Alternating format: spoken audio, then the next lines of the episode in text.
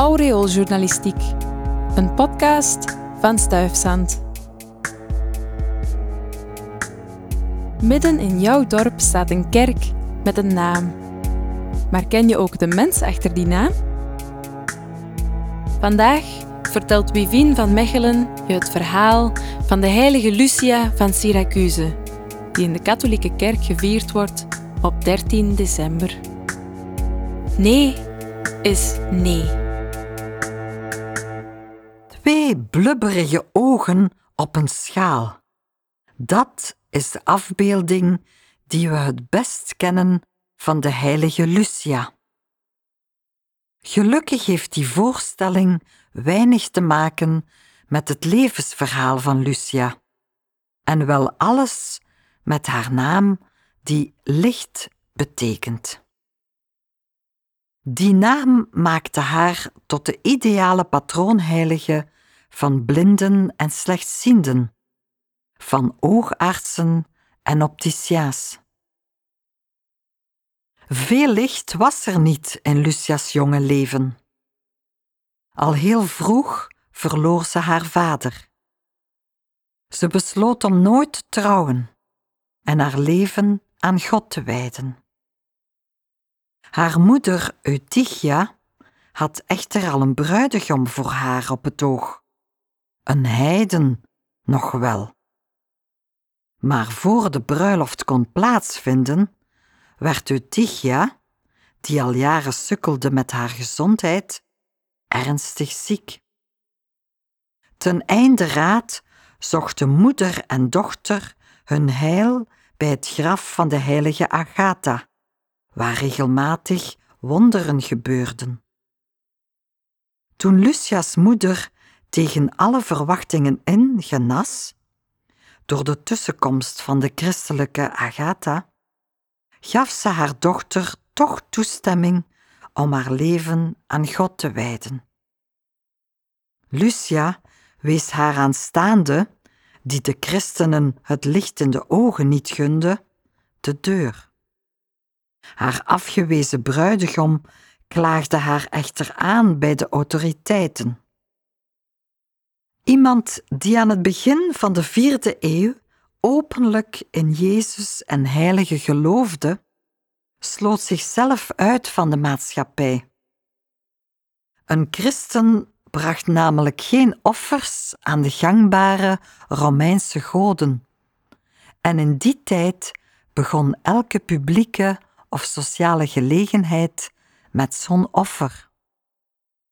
Omdat ook de keizer als een soort god werd aanzien en er ook aan hem geofferd werd, was niet willen offeren dus majesteitsschennis. Zo'n misdrijf werd zwaar bestraft. Lucia werd veroordeeld. Haar straf? Ze moest gaan werken in een bordeel. Zij vond dat natuurlijk even schokkend als wij en weigerde eraan mee te doen. Men kon haar niet van haar plaats krijgen. Ze leek aan de grond te zijn vastgeplakt. Ze haalden er zelfs een span ossen bij. Maar zelfs die kregen haar geen stap dichter bij het bordeel. Lucia was onverzettelijk, een ware supervrouw. Omdat het werk in het bordeel op deze manier niet kon doorgaan, verzonnen de autoriteiten een andere straf. Rond Lucia werd een brandstapel gebouwd en aangestoken, maar de vlammen deden haar niks. Haar bleek gezicht vertoonde geen spoortje roet. Haar ogen prikten niet van de rook en zelfs haar kleren wilden geen vlam vatten.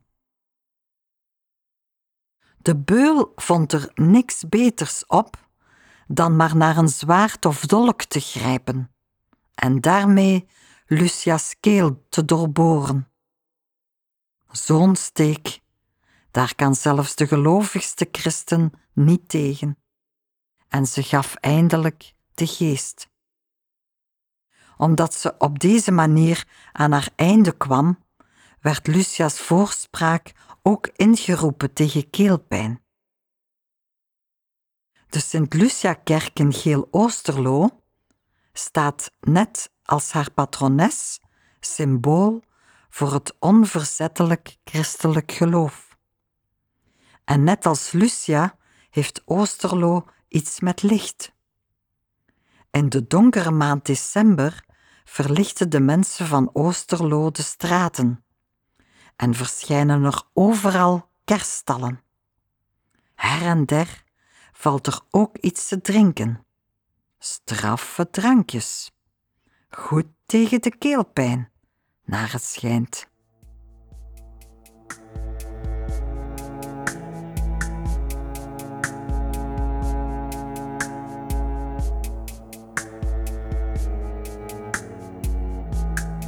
Dit was een podcast van Stuifzand en de klassen Woord en Audio Engineering van de Geelse Academie voor Muziek, Woordkunst, Drama en Dans, met steun van de Vlaamse overheid.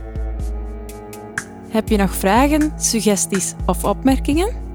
Laat het ons weten op info.stuifzand.be. Dankjewel voor het luisteren.